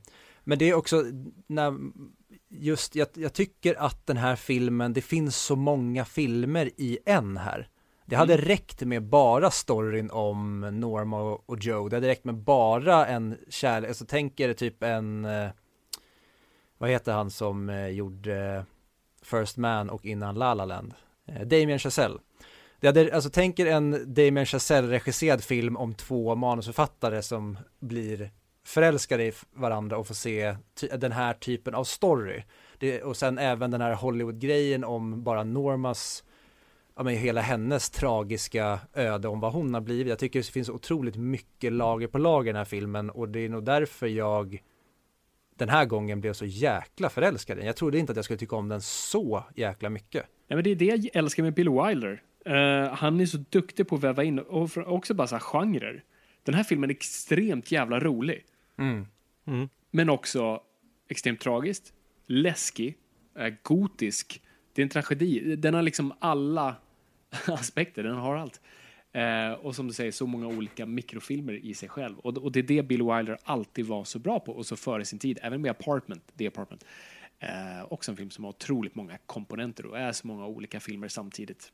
Eh, jag, jag, älskar verkligen det. Bill, Bill Wilder tror jag fick frågan en gång, så här, vad är det du föredrar? För att han var så känd för att han just kunde bolla alla de här grejerna. Och de frågade, men vad är det du föredrar? Liksom, eh, tragedi eller komedi? Vad, vad är det du gillar? Och hans svar var, a good one.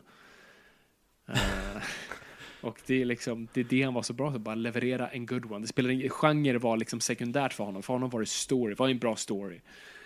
Och uh, det har du här, du har en sån perfekt bra ihopvävd story som har alla komponenter som inte tar ut någon annan.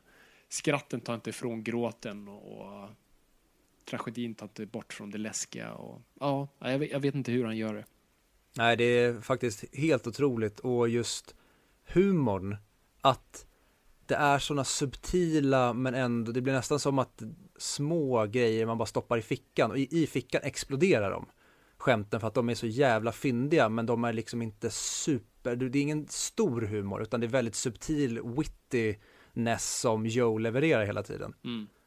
Verkligen. Jag tänker bara på scenen när han skulle in och köpa cigaretter till henne och så kommer han ut utan cigaretter. Och hans svar till bara med cigaretter säger han bara You smoke too much. Det är jättebra. För det, det är, så, för det, och det är det som är så bra med, med Bill Wilder. Och jag har funderat mycket på det här. Jag, jag skriver på komedi just nu. Och eh, jag försöker övertala liksom, produktionsgruppen och försöka förklara liksom, hur, hur jag ser på humor. Och det, och det är väldigt mycket med liksom, hur Bill Wilder formulerar bara, liksom, allt, både humor och tragedi. Det är karaktär, det är alltid karaktär. Svenska filmer är väldigt duktiga på ett dåligt sätt på att bygga upp scenarier. Roliga scenarier, sorgliga scenarier och karaktärerna faller någonstans däremellan. Eh, uh, Medan amerikansk och mer europeisk film och tv bygger egentligen bara bra karaktärer som utsätter sig själva för situationer där humor då tvingas fram. Och det är där humor egentligen föds. För att när han säger det, liksom, you smoke too much, det är sanningsenligt till, den, till, liksom, till Joe. Eh, och det är någonting vi alla andra skulle också kunna säga när vi liksom inte vågar erkänna att vi har, vi har gjort fel eller att vi vill dölja någonting vi faktiskt har gjort. Eh, det, det, det, föds ur karaktär och karaktärerna i den här filmen är så otroligt jävla välkonstruerade. och tajta och det är därför humorn föds på ett sånt himla organiskt sätt. För det kommer alltid från karaktär. Han, han slänger aldrig iväg ett billigt skämt på ett billigt scenario, utan det, det, det kommer ur karaktär varje gång och det är därför det funkar. Mm, är det med andra ord att det känns mer äkta? Att det kommer, när det kommer i karaktär och inte i scenarion? Ja, absolut. För du köper det. Mm. För att humor kommer alltid ur när du berättar en rolig historia för någon, inte en rolig historia, alltså en rolig historia om dig själv eller någon, det är för att du oftast har byggt in personen. Det var så typiskt mig att reagera så, eller det var så typiskt mig att det här hände mig. Mm. Och det är för att folk läser in vem du är. Och på så vis blir det roligt. Det är aldrig roligt att berätta om storyn när du snubblar på bananskal. Nej, exakt. Men det är väldigt roligt att förklara liksom vad som ledde till varför just du snubblar på det här bananskalet på grund av den dagen du hade varit där. Du, du hade slängt ett bananskal tidigare för att du är. Du vet, det är så saker blir roliga. Det, det, är sällan du bara kan berätta att det här var en rolig sak som hände. Om det inte är något helt extraordinärt. Men det är alltid mycket roligare i, i filtret av en person. Exakt, men då måste man väl, det viktigaste då är att först bygga upp eh, karaktären för att kunna göra det. Man, man kan inte börja en film med sån humor. Eller hur ser ni på det?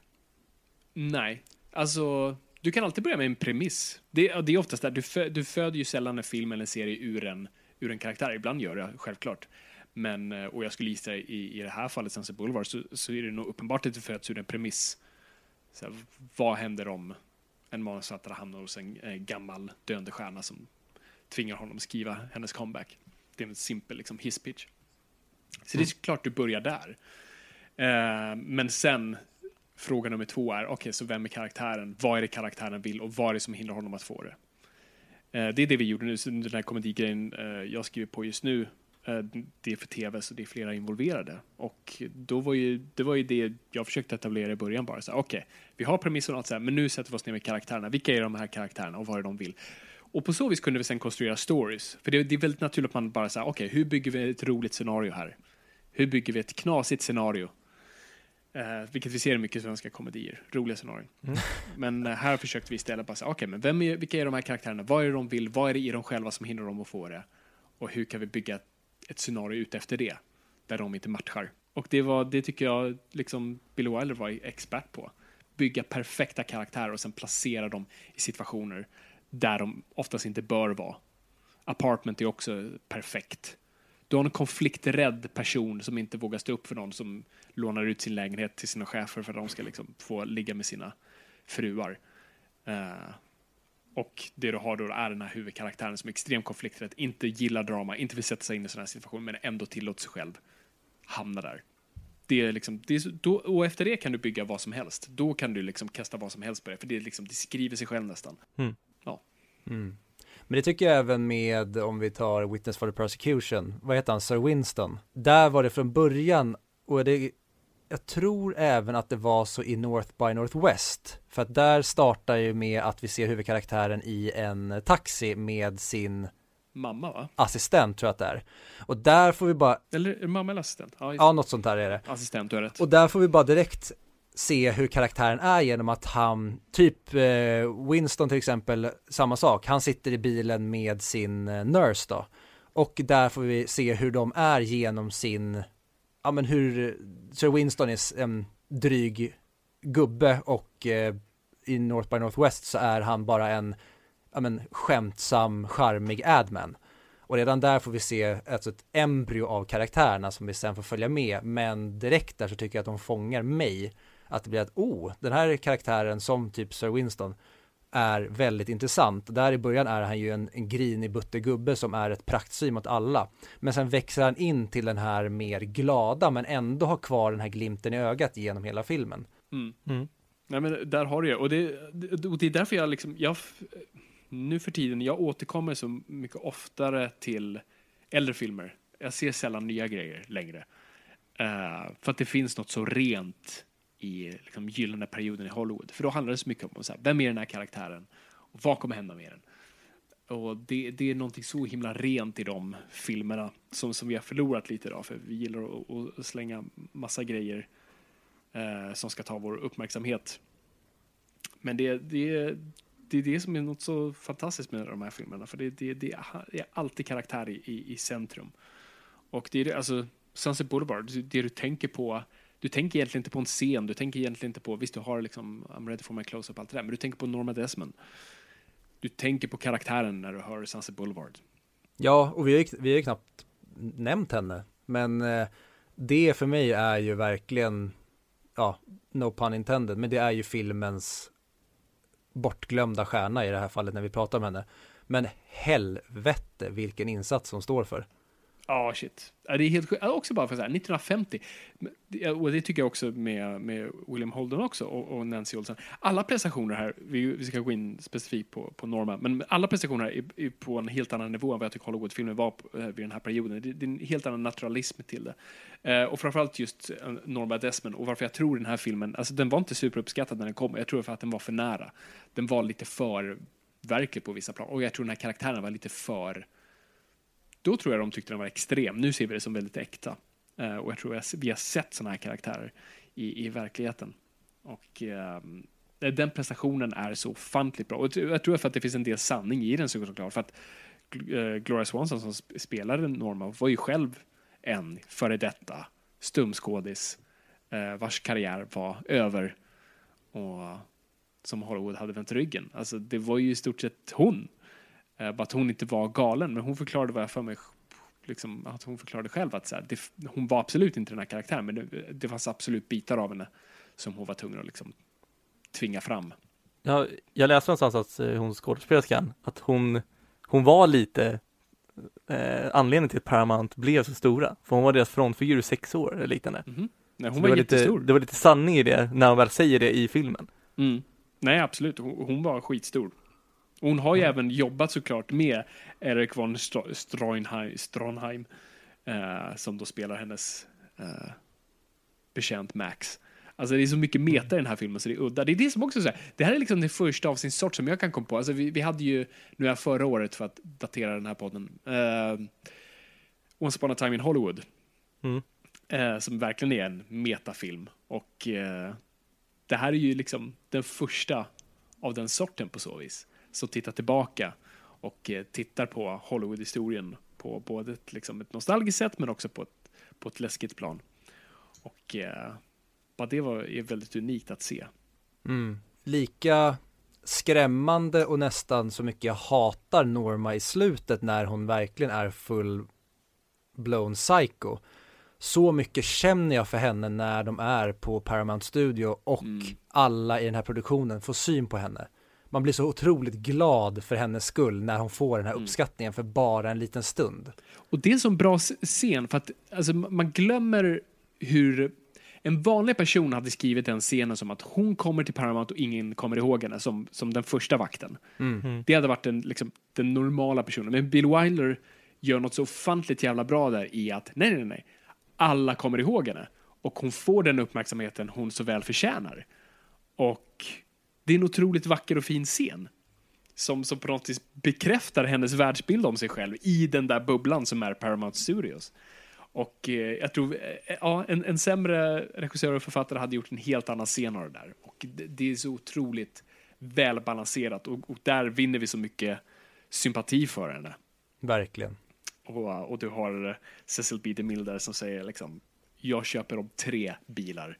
R- bara ring henne aldrig igen om den här bilen. Så det, är liksom, det är så tragiskt och fint och roligt samtidigt. Det, är- ja, det är en otroligt fin, fin scen. Ja, verkligen blandade känslor. Man blir irriterad på när de fortfarande så här, ja men nu får du chansen. Eller, och då ska de fortfarande hålla på, ja men jag jobbar bara efter tio till Ja, fyra. exakt. Eller liknande. Det är så här, vad Ja. fan. Och, Nej, det är det, är så bra. också, det, det funkar för det är karaktären. Alltså, det, det, det, det landar så himla väl. Det tror jag också är en av de här Eh, de gick ju till flera gamla stumskådisar innan de landade på Gloria Swanson. Hon var inte första valet. Och det var ju, det var ju flera fall då det var de här utdöende liksom, gamla filmstjärnorna som ändå fortfarande ställde krav. Så ja, en skulle äga negativen och eh, en annan liksom, hade, skulle ha kontroll över sina repliker. Uh, det, det, det är mer sant än vad man tror. Det känns som att blir man så, vad, blir, vad heter det, att man förvirrar verkligheten så mycket och tror att man fortfarande är känd om, när man väl har varit där. Alltså, alltså blir man som Norman Ja, kanske? Och det är det sista man har, kontroll. Alltså det sista du kan Ja. ha i kontroll. Eh, och vissa vill fortfarande utöva det för att bevisa att nej, men jag är fortfarande här uppe. Exakt. Ja, det är som du ser på, på folk idag. Det tycker jag är någonting som vi ser i, i västvärlden och i Sverige verkligen. Där alltså att folk vill inte ta ansvar. Är det någonting som har hänt då är det på grund av någon annan. Precis som i Normas fall att nej men det alltså nej jag är fortfarande en stjärna. Det är bara att de inte har ringt mig än. Mm. Att nej men det, det är inte mitt fel utan det, det kommer, det kommer det snart. Och att man liksom, det är nästan som att hon skyller ifrån sig hela tiden istället för att se verkligheten för vad det är. Men var den här grejen ditt, ditt fel? Ja, det var det förmodligen inte, men vi idag vill istället skjuta ifrån oss ansvaret och skylla på någon annan. Samma sak för henne. Hon vill inte inse att hon är bortglömd och det blir både tragiskt men så uppenbart också. Precis. För hon troligtvis vet det. Det är det som är så bra också. För hon troligtvis är djupt någonstans där nere så vet hon ju det. Mm. Och hon, har ju bara, hon vågar inte erkänna det för sig själv. Som när hon ber, som när Paramount har ringt då om den här bilen. Det, det är ju då såklart inte, hon vet det. Hon säger att nej, nej, vi låter dem ringa upp istället. Jag vill inte prata med någon liksom middle management. Jag vill att Cecil B. DeMille ringer mig. Så liksom, lägg på. Och eh, den scenen säger för mig att så här, när man- någonstans innerst inne så vet hon att det här inte är det samtalet. Så ett sätt för henne, både för hennes, liksom, för att fortsätta få leva i den där bub- bubblan så är det bättre att lägga på, för det är såklart en stjärna gör så. Jag måste ha det bästa. Men det- det är lite Shutter Island, att hon väljer att gå in i den fantasin. Ja, absolut. Ja, Men eh, för, för hon säger väl också något liknande med att det är inte jag som blir mindre, det är filmen, det är filmen som blir mindre. Ja, precis. I am big, it's the pictures that got small. Exakt. Alltså väldigt, väldigt många minnesvärda citat från den här filmen. Mm. Ja, den har några stycken, definitivt. ja. Jag, ja, vi brukar väl alltid prata om favoritscenerna också. Eller bara välja några scener att prata om. Mm. Jag tänker Fabian, du måste ju ha väldigt många. Ja, alltså, det, är så, det är så svårt. För att, och det är det också jag gillar med den här filmen. Den är, alltså, visst, du har de här, som sagt, I'm ready for my close. Du har mycket liksom, kända scener och moments och sånt där. Men, men det är oftast inte de som sticker ut för mig. En scen som jag reagerade på nu, bara så här, bra plantering och payoff, är när Joe flyttar in i huset och kan se att det inte finns några lås på dörrarna. Och Max då förklarar sig, nej men vi, vi tog bort alla låsen för Madame försökte ta livet av sig. Och eh, då vet vi det. Eh, och sen på nyårsfesten tror jag det är, då de börjar bråka och hon springer iväg. Och vi ser att hon stänger dörren bakom sig och vi ser via då de här handtagen som då är borttagna hur lampan tänds tror jag. Och vi vet vad det betyder. Då, då har vi planterat exakt vad liksom, kameran fokuserar på handtaget som är borta. Så då vet vi exakt vad hon kommer göra. Mm. Älskar sådana osagda planteringar. Liksom, vi vet exakt vad som, vad som kommer hända där. Ah. Eh, du behöver inte säga något mer. Den gillar jag jättemycket. Jag älskar, jag älskar typ alla scener mellan Betty och Joe. Eh, för de är så otroligt bara witty och välskrivna och det är så otroligt gullig relation. Jag älskar när de, när de går längs de här scenerierna som byggs. Mm. Uh, och när hon pratar om sin, eh, sin näsa. det är en favorit. Jag älskar, jag scenen ja, då Norma kommer till Paramount. Det, det är verkligen, för den är så tragisk och, och otroligt välskriven. Den gör helt rätt. Ja, oh, gud. Det finns, det finns så många. Alltså det, ja. Är, är det någon, någon som sticker ut hos er? Eh, många av de som du nämnde Fabian, men jag gillar även hur de i början när han är ute efter ett lån och han går till den här eh, studioproducenten och när han möter Betty för första gången. För där tänker jag bara att det är någon snofsig eh, assistent som han träffar. Jag tänker inte att hon kommer återkomma i filmen. Mm. Men det är också grym etablering, både hela scenariot när han, producenten, berättar Ja, du vet jag ska låna pengar. Vet vad jag gjorde förra året? Mm. Och så berättar han om hur han har belånat sig själv. Mm. Att det blir, och där tänkte jag också, var det en grej generellt på den tiden att för det, eller kanske inte har någonting med det att göra, men det var tanken jag fick också när han kommer hem, när han kör upp på Normas driveway. Då tänkte jag att fanns det många övergivna hus i Hollywood på den här tiden, att, det, att hennes hus, att det ser övergivet ut, var det ingen big deal? Var det alltså många som hade förlorat pengar som kanske varit stora men där de liksom hade fallit ner i fattigdom eller typ alltså att många hade dåligt med pengar. Är det någonting du vet? Jag, jag, jag, är ingen expert på det. Jag har för mig att det var så. Så du hade liksom, det fanns verkligen de här gamla, alltså de här riktiga alltså Old Hollywood-människorna som hade så ofantligt mycket pengar och sen förlorade allt och hade de här extra, extravaganta husen som inte sen gick att sälja. Så man, alltså det huset som de använder i eh, Sunset Boulevard var ett sånt hus. Eh, det var ett övergivet så här, gammal mansion som ingen använde till liksom, det var så stort och mastodontiskt liksom. Så att det var ett sånt hus. Uh, jag vet inte hur vanligt det var, men uh, jag tror absolut att det, det fanns. Mm. Mm. Jag tycker också det intressanta med den här, eller ja, det finns många intressanta aspekter med den här filmen såklart, men en sak som jag tyckte, som, vi, som jag pratade med dig om Victor, när vi såg den här. Först, för visst är det på nyår, han är uppklädd, han springer därifrån, och det är då den scenen kommer, när de zoomar in på handtagen. Mm. Han är på festen och sen så åker han tillbaka igen. Ja. Mm. Och det är väl någonstans där som han låser sig fast i sin livssituation där han är i. Mm. Det, det, är någonstans där han känner att även om jag vill lämna här så kan jag inte göra det, för då kommer hon dö på grund av min handling indirekt. Mm. Precis. Så, så, han, han har lyckats låsa sig fast i en hopplös situation egentligen. Mm. Ja men exakt, för hennes liv hänger på honom. Alltså han är ju det är det jag gillar med den karaktären också. Han har ju ett hjärta, uppenbart. Alltså han bryr sig väldigt mycket, för mycket. Eh, och det är det han måste Exakt. balansera. Liksom, människorna han älskar runt omkring sig och sitt eget ego och vad det är, vad det är han faktiskt vill. Exakt, för oavsett, han, han kan vara lite spydig mot dem han träffar. Mm -hmm. Men man märker ju på honom att han vill, alltså han, han är ju god fortfarande. Ja, han är inte skurken i, i filmen. Nej. Och, ja, just de scenerna, allt från, för jag tycker allt på festen jag vet inte varför, men det fastnade hos mig. Det var jättesnyggt. Och hur filmen utvecklas därifrån. Mm. Jo, men där gör han ju valet. Alltså det, där hade han ju kunnat välja att bara vända ryggen och gå därifrån. Ja. Men det är ju efter det har du ju liksom uh, en turning point där, där. Ja, han kan inte återvända från det. Nu har han gjort sitt val. Han kunde stanna på mm. festen med Betty och bara aldrig återvänt. Och hon kunde ha dött, hon kunde ha överlevt, vem vet? Han hade inte behövt veta. Eller så återvänder han. Vilket han gör. Mm otrolig, otrolig film.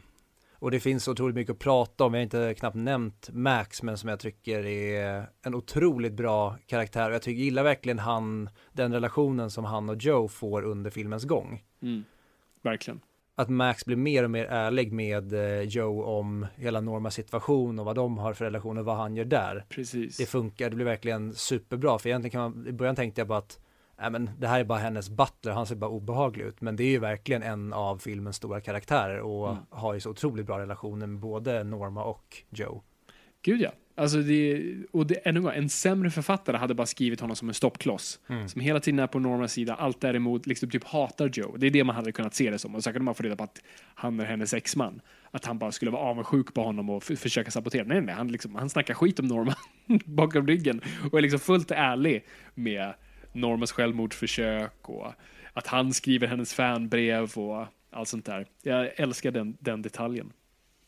Ja, och en jättefin detalj är när de åker i bilen till Paramount och då, jag för mig att Norma frågar Joe typ hur hon ser ut.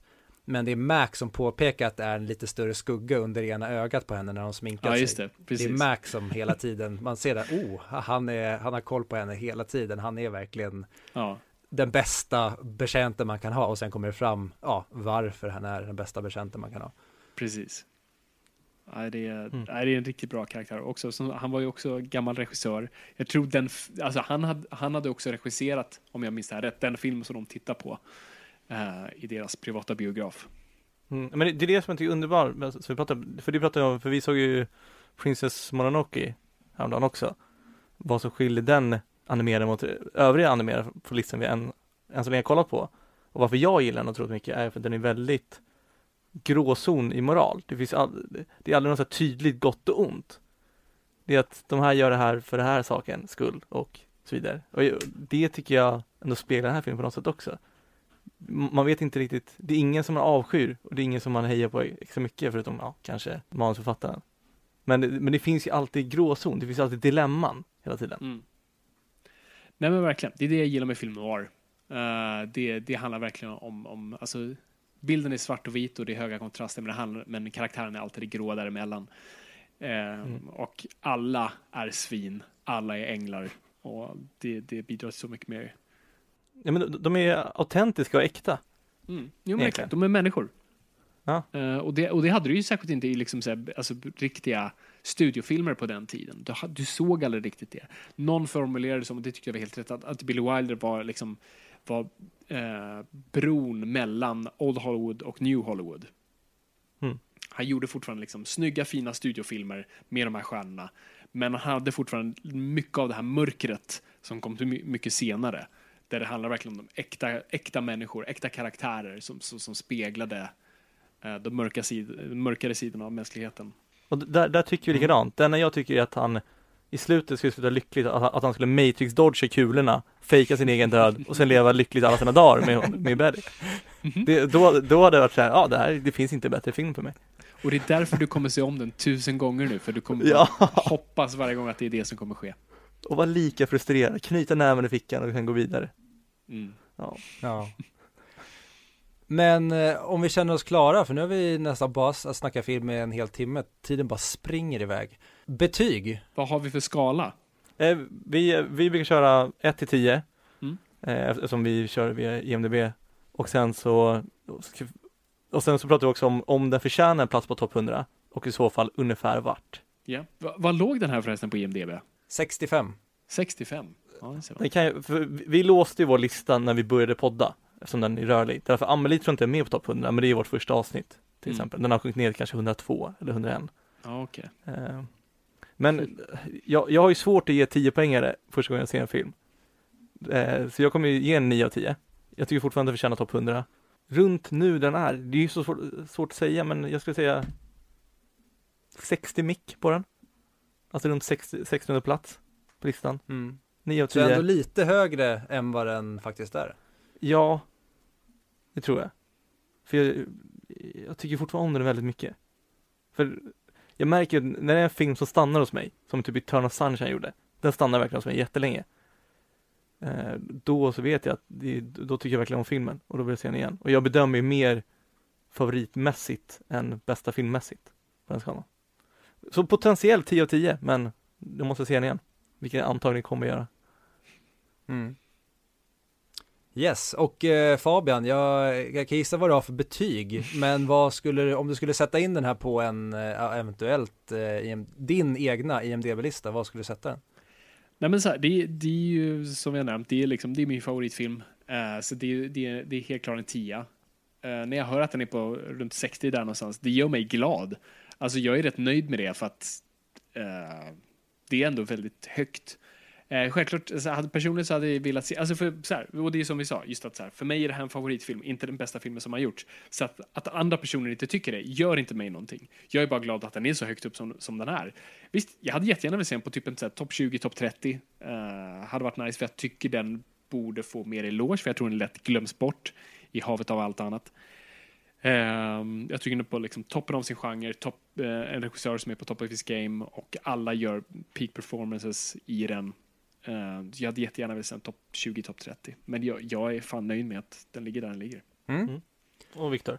Jag hade en 8 av 10 på den förra gången vi såg den, men nu eh, bumpar jag upp den till 10 av 10. Jag tycker det är en helt otrolig film och jag trodde verkligen att jag skulle tycka om den så mycket, alltså hela känslan i den, att jag jag behöver inte tänka så mycket på handlingens struktur och det, utan bara karaktärerna fick mig så jäkla förälskad i dem, så att jag sätter den nog på Ja men en topp 50 tycker jag definitivt den hör hemma på. Den har fortfarande long way to go för att bli en av mina absoluta favoriter, men den har verkligen sått ett litet frö till att kunna bli en favoritfilm potentiellt. Kul! Nice! Eh, men då, ja, vi kan först börja säga att följ oss på våra so so sociala medier, 100 podcast, Facebook, Instagram, Twitter och mejla oss på 100 podcast gmail.com om ni vill det. eh, det är alltid frivilligt såklart. Eh, sen får vi väl tacka Fabian otroligt mycket. Verkligen. Ja, men, tack själva, jättekul att vara här. Alltid kul att snacka sin favoritfilm och ja, men, ni, ni, har, ni, har, ni har en grym idé på gång här. Eller på gång, ni, har, ni har varit igång länge. Men det är en sån här, det är sån här podcast-idé, man bara, fan varför kommer inte jag på det där? Ja, kul. Så jag önskar er all lycka och fortsatt ja, framgång. Men, alltså detsamma och eh, ni som mot förmodan lyssnar på vår podd men inte deras, in och kolla på Noipod. Och de hatar också Disney Wars. Ja, så det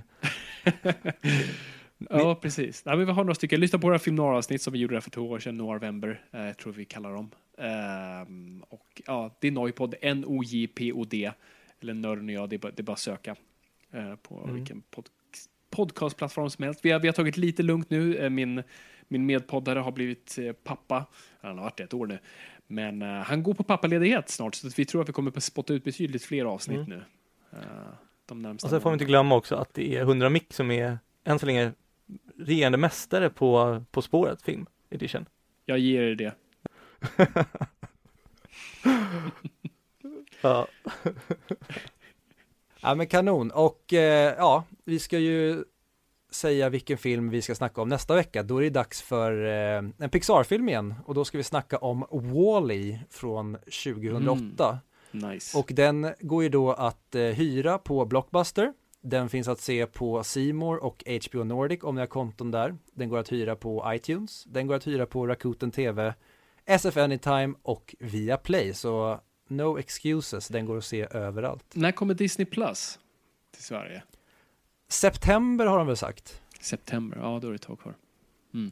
Sorry att jag daterar det här mm. avsnittet. det är lugnt. Ska vi runda av? Det tycker jag vi gör. Supertack Fabian för att du var med. Det var svinroligt. Ja, hej hej. Hej hej.